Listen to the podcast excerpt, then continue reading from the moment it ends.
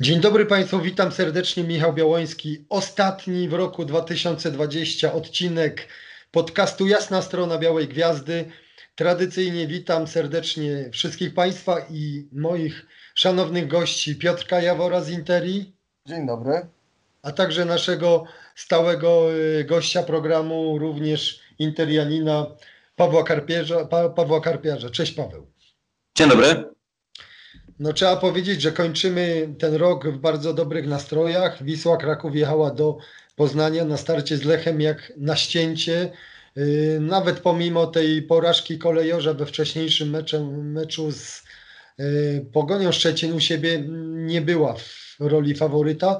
Tymczasem prezent pod choinkę wszystkim kibicom Białej Gwiazdy sprawił Kuba Błaszczykowski, który pokazał jak, co to znaczy nawet y, przy kruchym już zdrowiu walczyć z determinacją, z pełną determinacją, z odpowiedzialnością za losy zespołu i to jego akcja, jego bramka rozstrzygnęła o tym zwycięstwie 1 do 0 i o awansie w, w tabeli z 15 na 12 miejsce, które chyba bardziej oddaje potencjał y, zespołu, potencjał i zarówno finansowy, jak i kadrowy. Yy, Piotrek, no wyliczyłeś świeżo na Twitterze Y, trio bohaterów y, Białej Gwiazdy w tym spotkaniu. Opowiedz o swoich wrażeniach po triumfie y, Wiślaków przy Bułgarskiej. Tak, to wrócę do tego trio, o którym rozmawiamy, czyli e, bohater meczu Kuba Błaszczykowski bez dwóch zdań. E, nawet teraz na Twitterze śmignęła mi taka fajna statystyka. Nie wiem, czy zdajecie sobie sprawę, ale w roku 2020 Kuba Błaszczykowski jest trzecim najlepszym, najskuteczniejszym Polakiem w Ekstraklasie. Ten Kształt Błaszczykowski, który, który tam nie grał pewnie jednej trzeciej meczów tak naprawdę, a czasowo... Zaraz Paweł Karpiarz do tego przejdzie, bo on akurat ma to wyliczone wszystko dokładnie, ale masz rację, jest coś takiego. No. Tak, tak, tam y, Zwoliński jest pierwszy, drugi jest Moder, trzeci jest Kuba Błaszczykowski.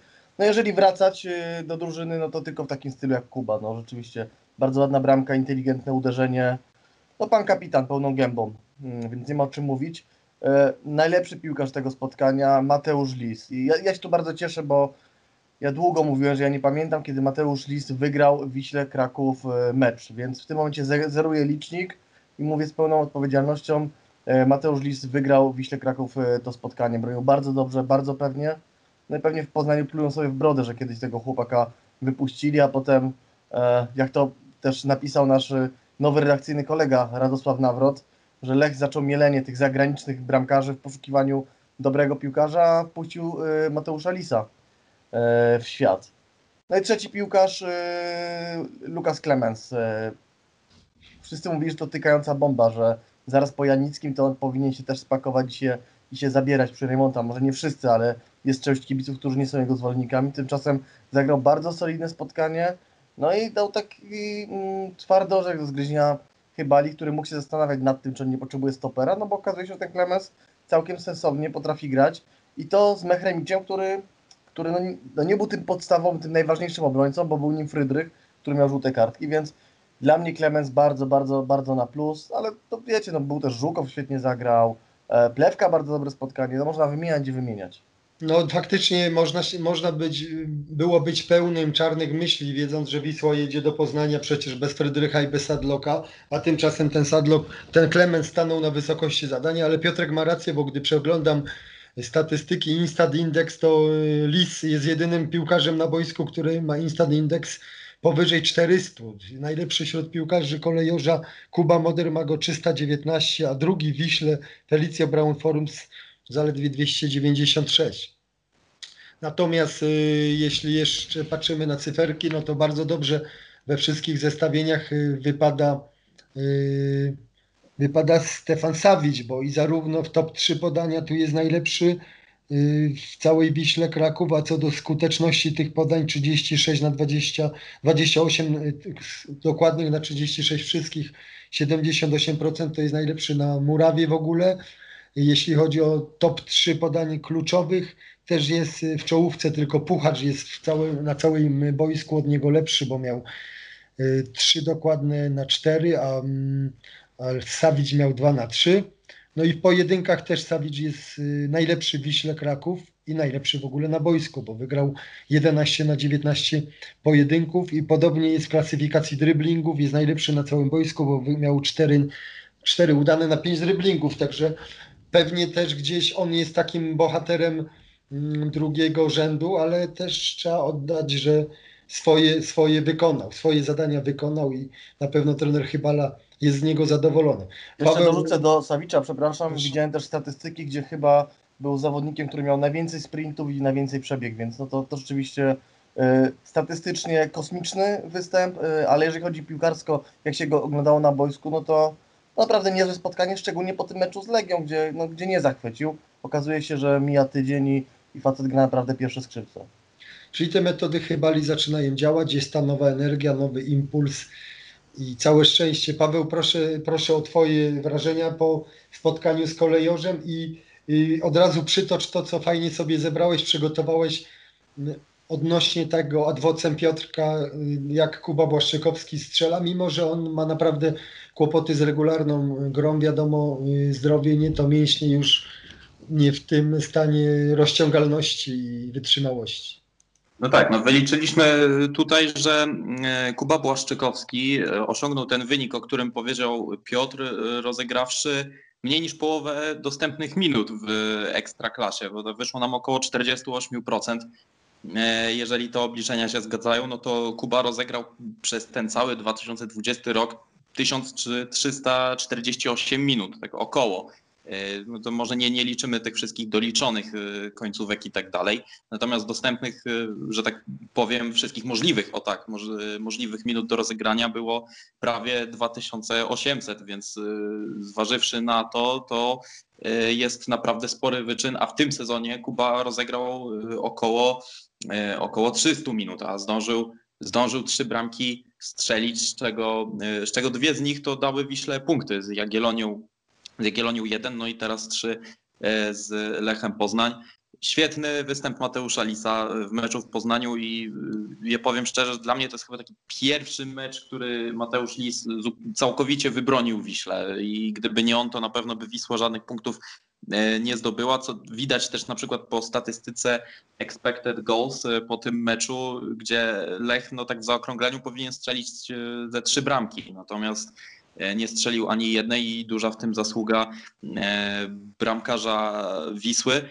To też jest ważne o tyle, że jemu, o ile dobrze, dobrze pamiętam, w tym sezonie kończy się kontrakt. Zatem takim meczem na pewno bardzo zapracował na, e, na przedłużenie tej umowy. Też wiemy, że Mateusz e, może nie jest już aż tak nie jest młodzieżowcem, ale no jeżeli chodzi o bramkarzy, no to wiadomo, że ta górna granica wieku jest gdzieś przesunięta dalej i Mateusz na pewno jest jeszcze w wieku, że tak powiem, sprzedażowym i być może Wisła jeszcze w przyszłości coś na nim zarobi. No bardzo ważne trzy punkty dla Wisły, troszeczkę lepiej to wygląda w tabeli, trochę Wisła odskoczyła y, od tych y, najsłabszych zespołów, no i zmniejszyła stratę gdzieś tam do tego y, środka tabeli. Taki pewien paradoks, że wydaje mi się, że Wisła nawet grała lepiej y, jako drużyna w poprzednich meczach, ale z drugiej strony y, możemy właśnie wyróżnić y, kilku indywidualnie kilku piłkarzy, czy to właśnie środkowi obrońcy, czy Mateusz Lis. Y, Tutaj Piotrek wspomniał właśnie o Żukowie, o Plewce. Forbes zagrał też przyzwoicie, Sawić. Jeboach był aktywny, no i oczywiście super joker e, Kuba, Kuba Błaszczykowski. Bardzo dobre też statystyki biegowe, to trzeba przyznać. E, Trzej najlepiej biegający to Wiślacy, 8 km więcej od Lecha. Zatem to wszystko po prostu pokazuje, że no wybiegali i wywalczyli e, sercem i jak to się też często u nas mówi, wątrobą ten mecz. Nic dodać, nic ująć. Zdradzę Wam troszeczkę tajemnicę kuchnię dziennikarską szykowania dużych wywiadów. Mianowicie Wiślacy wrócili z Poznania w sobotę o 5 nad ranem. Ja sobie gdzieś koło 11-12 prowadziłem swój trening biegowy i zadzwonił i to był bardzo przyjemny telefon Kuba Błaszczykowski, z którym od dłuższego czasu precyzujemy mm, termin wywiadu, nawet właściwie dogrywki do tego wywiadu. No i pogratulowałem mu oczywiście tego zwycięstwa w Poznaniu. On był po paru godzinach spaniejesz. Mi się tak przyjemnie zrobiło, że wymęczony facet, który przecież myśmy się nie spodziewali, że ten Kuba po tej kontuzji łydki, że on zdoła w ogóle w tym roku wrócić na boisko, że tu znalazł czas, żeby do mnie zadzwonić, pogadać. i chwilę żeśmy zamienili mm, parę zdań o tym, co się dzieje w drużynie po, po tym, jak zespół przejął Peter Chybala i Kuba jest bardzo zadowolony z tego, jako, jakie postępy robią ostatnio młodzieżowcy. Nie tylko ci, których widzimy w pierwszym składzie, a więc Dawid Szot, który już jest takim pewniakiem do gry, nie tylko pa Patryk Plewka, który również robi postępy, ale on również wymienił nazwisko Konrada Gruszkowskiego, który zadebiutował w derbach Krakowa. On w Poznaniu nie zagrał, natomiast y, Kuba obserwując go codziennie na treningach twierdzi, że to też jest zawodnik, z którego Wisła Kraków będzie miała za chwilę spore, spore, sporą radość i spory korzyść. I to, jest, I to wszystko, tak Wam powiem, że to ładnie się tak układa mm, optymistycznie przed 2021 rokiem, wobec faktu, że przecież jeszcze klamka nie zapadła, jeśli chodzi o ewentualne odejście Olka Buksy, czy też jego nieprzedłużenie kontraktu dalej niż do czerwca. Że jeszcze może włączyć piąty bieg Daniel Ojo Kowalski, że naprawdę y, te zastępy tych piłkarzy, którzy naciskają na pierwszą jedenastkę, nie muszą być Wiśle, Piotruś, takie małe. W tym momencie to jest chyba e, klucz dla Wisły Kraków, no bo ta Wisła w końcu musi się zderzyć w jakiś sposób zacząć finansować, a e, wiecie, teraz to nie jest takie proste, bo to nie można cały czas chodzić i, i wyciągać ze swojej kieszeni, dorzucać, dorzucać, dorzucać. Więc myślę, że to też był ważny aspekt y, podczas zatrudnienia Chybali, właśnie ta młodzież, bo Chybala mówi, że on bardzo lubi pracować e, z, z młodymi piłkarzami. Ty mówisz o wywiadzie z Kubą Błaszczykowskim, ja się pochwalę wywiadem z Chybalą, który już w Interii opublikowaliśmy. On mi mówi, ja muszę być dla tych piłkarzy jak ojciec. I oczywiście muszę ich w pewnym momencie ochrzanić, muszę powiedzieć, co myślę, ale ja muszę być jak ojciec. To, to są młodzi ludzie, którym trzeba pomóc, których trzeba wysłuchać. Ja bardzo lubię tych młodych chłopaków prowadzić. I to, że nie były to zrzucane słowa na wiatr, pokazała mi ostatnia konferencja prasowa, kiedy wymieniał trener, y, kogo tam nie będzie, nie będzie miał do grania, czyli Sadloka, Frydrycha, Beciraja i w pewnym momencie pada, no i Kacper Duda. Kacper Duda, wrzucam 90 minut, znam chłopaka oczywiście, ale to jest zawodnik, który nie zagrał jeszcze ani minuty w Ekstraklasie, a trener chyba już go wymienia jako tego kontuzjowanego, który z Lechem Poznań nie będzie mógł zagrać. Czyli gdzieś e, ten jeszcze niespełna 17-letni chłopak już zaczyna w głowie e, trenera funkcjonować. No i to jest fajne, to jest fajne dla polskiej piłki i bardzo korzystne też dla Wisły Kraków, no bo no, no to, to jest w tym momencie jedyna droga, no ta droga, którą pokazuje Lech Poznań, gdzie, gdzie te miliony, grube miliony jednak y, na wyobraźnię oddziaływują, no pokazują, że, że jeżeli chcemy finansować klub w miarę samemu, no to trzeba postawić na tych młodych chłopaków, a z tego no Wisła przed laty była naprawdę znana. No i też y, wyraźnie Wiśle pracuje y, czas na jej korzyść w związku z tymi metodami Chybali i jego nowych ludzi od przygotowania fizycznego, od przygotowania taktycznego, bo przecież do 31 grudnia, 1 stycznia, gdy Wisła, gdy jest zaplanowany mecz z Piastem Gliwice w Krakowie o godzinie 15, to można sporo zmienić, sporo poprawić. Ta przerwa będzie wyjątkowo krótka, a więc nie trzeba będzie od nowa szykować, ładować akumulatorów na cały rok, na, na resztkę sezonu intensywnego bardzo. Tylko po prostu będzie mógł sobie Chybala i jego sztab zrobić taki szlif, takie udoskonalenie i co sądzisz, co sądzisz, Pawełku, na temat tych, tych właśnie statystyk biegowych? No, jak to ktoś, ktoś napisał na, na Twitterze po meczu z Lechem, że y, Wisła no, wygląda całkiem nieźle, jak na zespół y, źle przygotowany fizycznie, co, co twierdzili kibice Wisły. No, rzeczywiście w meczu z Lechem to nie było aż tak widać y, takiej, takiej wielkiej różnicy w tej w tej fizyczności, więc e, coś w dwa tygodnie może Peterowi chyba udało się poprawić, więc może mu się uda jeszcze więcej e, zrobić w cztery. On cały czas twierdzi, że, e, że po styczniu, po tym okresie przygotowawczym Wisła będzie maszyną do pressingu. No jestem ciekaw, czy, czy mu się to uda właśnie w tak krótkim okresie przygotowawczym. W te cztery tygodnie Wisła chce rozegrać 5-6 sparingów, to jest też całkiem, całkiem sporo. No, jestem bardzo ciekawy, jak to, jak to wypadnie. Nie będzie miał wymówki jednak trener Chybala, jeżeli coś się nie uda. Nie będzie mógł się wykręcać, e, wykręcać tym, że nie dostał transferów, że, albo że ten okres przygotowawczy rzeczywiście był krótki, e, bo skoro twierdzi, że jest w stanie tak zespół przygotować, e, jak, jak twierdzi w te cztery tygodnie, no to szczerze mówiąc oczekuję, że Wisła będzie bardzo dobrze wybieganą drużyną już, już w tym meczu z Piastem. Czy Piotrek trzeba powiedzieć, że już nie oczekujemy, że baterii zabraknie w 65, 70, bo to widać, że ta drużyna przy tym intensywniejszym treningu wytrzymuje coraz więcej, bo to są podobne metody treningowe, jakie były za czasów Franca Smudy czy Henryka Kasperczaka, gdzie po prostu trening, trening nie był rozciągnięty na dwie godziny czy dwie i pół, ale był y, godzina naprawdę intensywna i to nie było tam przestojów, tam cały czas jest piłka w tym i tak dalej, więc widać, że to są pewnie podobne te metody pod ten wysoki pressing szykowane, więc być może na wiosnę, czyli to na wiosnę, która się w Ekstraklasie zacznie po raz pierwszy w historii w styczniu, będziemy widzieć Wisłę, która wytrzyma przynajmniej 85 minut na tym wysokim pressingu i tylko te ostatnie 5 minut plus doliczony czas będzie musiał, będą musieli piłkarze pojechać na tym, co mają w wątrobie, w płucach czy w sercu, w tym glikogenie, który tam jest zgromadzony. No chyba y, mówił o tym, że, no, że przyłoży zawodnikom, że dołoży im do pieca. Oni już poczuli, co to znaczy, bo te treningi e, ponoć też były bardzo intensywne. E, ale to rzeczywiście nie będą jakieś biegania po górach. On mówił, że to nie, to już nie te czasy. Ja już nie jestem zwolennikiem tego typu metod. Nie będziemy nabijali e, dziesiątek kilometrów w bieganiu pod górkę. Będą krótkie, bardzo intensywne zajęcia, pewnie może oparte nawet na jakichś interwałach po to, żeby e, jak najmocniej e, tę drużynę przygotować. No i no, panie trenerze, no 31 stycznia wtedy już nie będzie wymówek absolutnie żadnych. E, mówił Chybala, że, że, że on to jest w stanie przygotować, więc, więc wszyscy trzymają go za słowo. A ma teraz taki zupełny spokój, bo te cztery punkty to jest y, wykonał plan ponad normę, absolutnie. Jeżeli by zdobył, no można się było spodziewać po tym, co, co objął, że, że tu się może skończyć trzema przegranymi i, no i, i to można było kalkulować nawet, że tak to będzie wyglądało. Cztery punkty to jest, no moim zdaniem, bardzo dobry, ocierający się nawet o świetny wynik, dający oddech, dający spokój, dający pięć punktów przewagi nad strefą spadkową i który daje możliwość budowania czegoś, myślenia nawet o górnej połowie tabeli, no bo no, jedne czego można żałować, no to tego, że Wisła Kraków już nie jest w Pucharze Polski, bo, bo można by się było kręcić wokół tych rozgrywek, a tak to, to, to jeżeli Wisła jeszcze, jeszcze trochę odjedzie od strefy spadkowej, no to, no to po prostu będzie grała, przygotowywała drużynę na przyszły sezon tak naprawdę.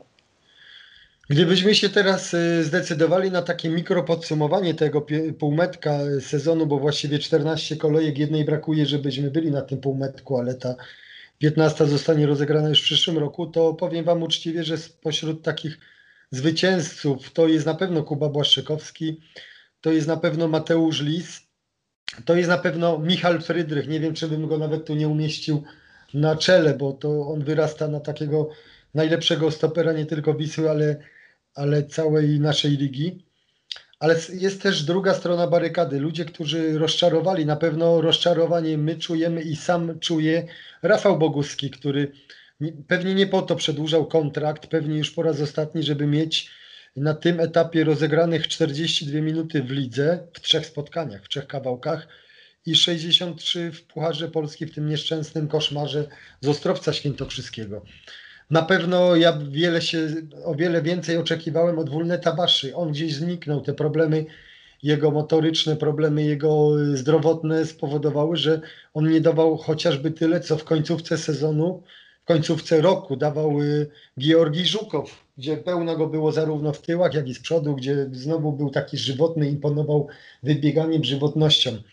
Gdyby, gdyby koło niego był ten Basza, z którego pamiętamy z czasów, czy choćby Maćka Stolarczyka, no to Wisła by miała ten środek jeszcze bardziej szczelny. Nikola Kuwelicz też taki słodko-kwaśny. Dobre momenty przepla- przeplatane z, ze słabszymi. Piotrek, proszę Ciebie o takie mikro podsumowanie tych, których zapamiętasz y, w tym 20 roku, w tej pierwszej części sezonu z pozytywnej strony i tych, którzy, którzy podpadli w Twojej opinii. No, gdybym miał czegoś y, życzyć y, zarządowi na 2021, to bym życzył absolutnie takich transferów jak Frydrycha. No, strzał w dziesiątkę, zgadzam się, że absolutny top 3 y, stoperów w ekstraklasie. Bardzo dobry piłkarz, bez jakichś rozmów o, e, o aklimatyzacji, bez względu na to, czy trenerem był Skowronek, czy Chybala. Cały czas na równym poziomie, gdzieś może jedna jakaś zawalona bramka, ale naprawdę bardzo dobry zawodnik, świetnie trafiony. Pokaz- nie dość, że wzmacniający drużynę, bo ja nie, wolę nie myśleć, gdzie dzisiaj byłaby Wisła bez Frydrycha, to jednak pokazujący, że, że da się zrobić dobry transfer. Byleby tylko zarząd Wisły się tak nie zachłysnął tym do końca, bo ja cały czas jednak uważam, że mocny pion sportowy z dyrektorem sportowym jest potrzebny, ale to może rozmowa na, na kolejne tygodnie albo na moment, kiedy Wisła bardziej stanie na nogi. E, Więc, więc, więc to absolutnie dla mnie numer jeden, czyli Frydrych. A chyba największym rozczarowaniem to jednak jest Beciraj, bo, bo przyszedł, skasował zapewne nie, y, nie mało. E, Reprezentant y, Czarnogóry, zawodnik, który tam cały czas gra, no i wydawało się, że naprawdę, że, że, y, że, że to będzie piłkarz, na którym można opierać ofensywę, no tymczasem ja, ja nie wiem jakie jest spojrzenie, ale jeżeli, jeżeli nikt nie, nie widzi nadziei, że cokolwiek się zmieni, to ja myślę, że to jest pierwszy zawodnik do rozwiązania kontraktu e, zimą, e, więc e, albo, albo Beciraj za siebie weźmie i, i coś z niego chyba wyciśnie, no albo chyba będzie pożegnanie, choć to też nie taka prosta rzecz, bo będzie trzeba mu zapłacić za rozwiązanie umowy, bo, bo pewnie sam Beciraj sobie zdaje sprawę, że już nie jest pierwszej młodości teraz, a dwa, no nie wiadomo czy gdziekolwiek jeszcze złapie tak dobry kontrakt jak, jak w Krakowie. Yy, czytelnicy sportinteria.pl czytają w myślach Piotra Jawora, bo wszedłem sobie teraz na serwis Wisły Kraków w zakładce skład. On jest poszeregowany, można wybrać tam według y, ocen, jest y, na, podstawowo jest według ocen, a można go też poszeregować według nazwisk i kto ma najlepszą ocenę, ten jest pierwszy. No i oczywiście nieprzypadkowo na pierwszym miejscu jest Kuba Błaszczykowski. Jego nota w skali 0,6 to jest 5,5 za ostatnie mecze, a tak zjechałem do tego Beciraja i on faktycznie zamyka stawkę. Przeczytam jeszcze tą czołówkę. Lukas Clemens to pewnie na podstawie ostatniego występu ma 5 5,2. Dawid Szot, trzecie miejsce, gratulujemy, 3,7 i później jest już taka już troszeczkę przepaść, bo Maciek Sadlok czwarte miejsce 3,2. 3,2 z mniejszymi, z mniejszymi miejscami, liczbami po przecinku. Georgi Żukow, Mateusz Lis dalej, Stefan Sabicz 2,6, Felicjo Brown Forbes 2,5, podobnie jak Michał Mak też 2,5, Giancarlo Silva, który miewał momenty, ale gdzieś końcówka mu nie wyszła 2,4, Burliga, który grał mało 2,4, Basza 2,2, Kuwelicz 1,6, Czuka 1,1, no i później się już pojawiają zawodnicy, którzy mało grali bądź prawie nie grali. Szota, Niepsuj, Ojo Kowalski, Boguski i tak dalej. Proszę bardzo, y, Paweł, twoje, twoje wrażenia po y, tej jesieni odnośnie tego, kto, kogo zapamiętasz dobrze, kogo zapamiętasz źle. No to do przegranych e, na pewno Fatosz Beciraj, który e, zdecydowanie najgorszym transferem. E, Kibice mu zapamiętają te dwie niewykorzystane sytuacje ze Śląskiem i Pogonią, które pozbawiły Wisłę punktów. Najlepsze transfery zdecydowanie Michał Frydrych, lider defensywy. Ja w Jebołach też bardzo trafiony transfer. Z tego co pamiętam, to chyba trzy bramki, dwie asysty w tej rundzie, czyli całkiem przyzwoity dorobek. Natomiast do wygranych dołączyłbym Patryka Plewkę, na którego nikt nie stawiał. Ja pamiętam, że jak Wisła wypożyczała Damiana Pawłowskiego, to się bardzo dużo osób pukało w głowę, dlaczego? A skoro Damian Pawłowski no tak solidnie sobie radził w ekstraklasie, natomiast Patryk Plewka dopiero co wracał z, wracał z wypożyczenia z drugoligowej Stali Rzeszów, Zagrał pierwszy mecz z Górnikiem Zabrze, zagrał bardzo dobrze i poniżej pewnego poziomu nie schodzi. Jest bardzo wybiegany, biega bardzo dużo. I myślę, że on będzie podstawowym, podstawowym zawodnikiem u, u trenera Chybali. Podejrzewam, że będzie grał obok Georgija Żukowa. Co do innych przegranych, to jest ich tutaj bardzo dużo i szczerze mówiąc nawet nie będę już wymieniał, bo właśnie i Basza, którego te kontuzje strasznie nękają i Kuwelicz, który być może mógł grać więcej, ale też złapał kontuzję. On też jest strasznym pechowcem, bo jeżeli wierzyć tutaj doniesieniom medycznym Wisły, no to on cały okres przygotowawczy po prostu przegapi. No dokładnie, bardzo fajne uwagi. Słuchajcie, będziemy powoli dobijać do brzegu w tym 2020 roku. Wszystkim fanom Białej Gwiazdy, całej drużynie, właścicielom, Kubie Błaszczykowskiemu życzymy zdrowia, pomyślności i wspaniałych świąt i przede wszystkim dalszej misji ratunkowej jeszcze skuteczniejszej w przyszłym roku, żebyśmy mieli o Wiśle Kraków tylko pozytywne doniesienia, żeby gdzieś te duchy przeszłości, demony przeszłości pod postacią zaległości finansowych po poprzednikach ich nie, nie ciążyły tak bardzo, żeby mogli już pełną piersią odetchnąć i swobodnie budować nową, silną Wisłę Kraków. Spotkamy się pewnie, usłyszymy się z Państwem pewnie gdzieś parę dni przed y, startem wiosny, czyli gdzieś około 25-6 stycznia, gdy już będzie wiadomo, kto wzmocnił Wisłę Kraków, kto z niej odszedł, jak wygląda sytuacja z Olkiem Buksem po, po tym, jak 17 stycznia skończy 18 i będzie mógł sam zdecydować o swym losie. A nie 15 tylko. 15, tak? A nie tylko, a nie tylko rodzice czy, czy menedżer. To może być zwrot, na który liczymy, pozytywny dla Wisły. I będziemy widzieć po prostu, w jakim składzie Wisła Kraków przystąpi do meczu z Piastem Gliwice i będziemy sobie mogli omówić te sparingi, te przygotowania i sytuację covidową w, nie tylko Wiśle Kraków, ale w PKO BP Ekstraklasie. Dziękuję serdecznie za ten odcinek i wcześniejsze. Yy, Ja z tej strony Białej Gwiazdy byli ze mną Piotrek Jawor Bardzo dziękuję. i Paweł Karpiarz. Dziękuję bardzo. Do usłyszenia, do zobaczenia. I kiełbasy i wonis Wesołych świąt. wesołych świąt.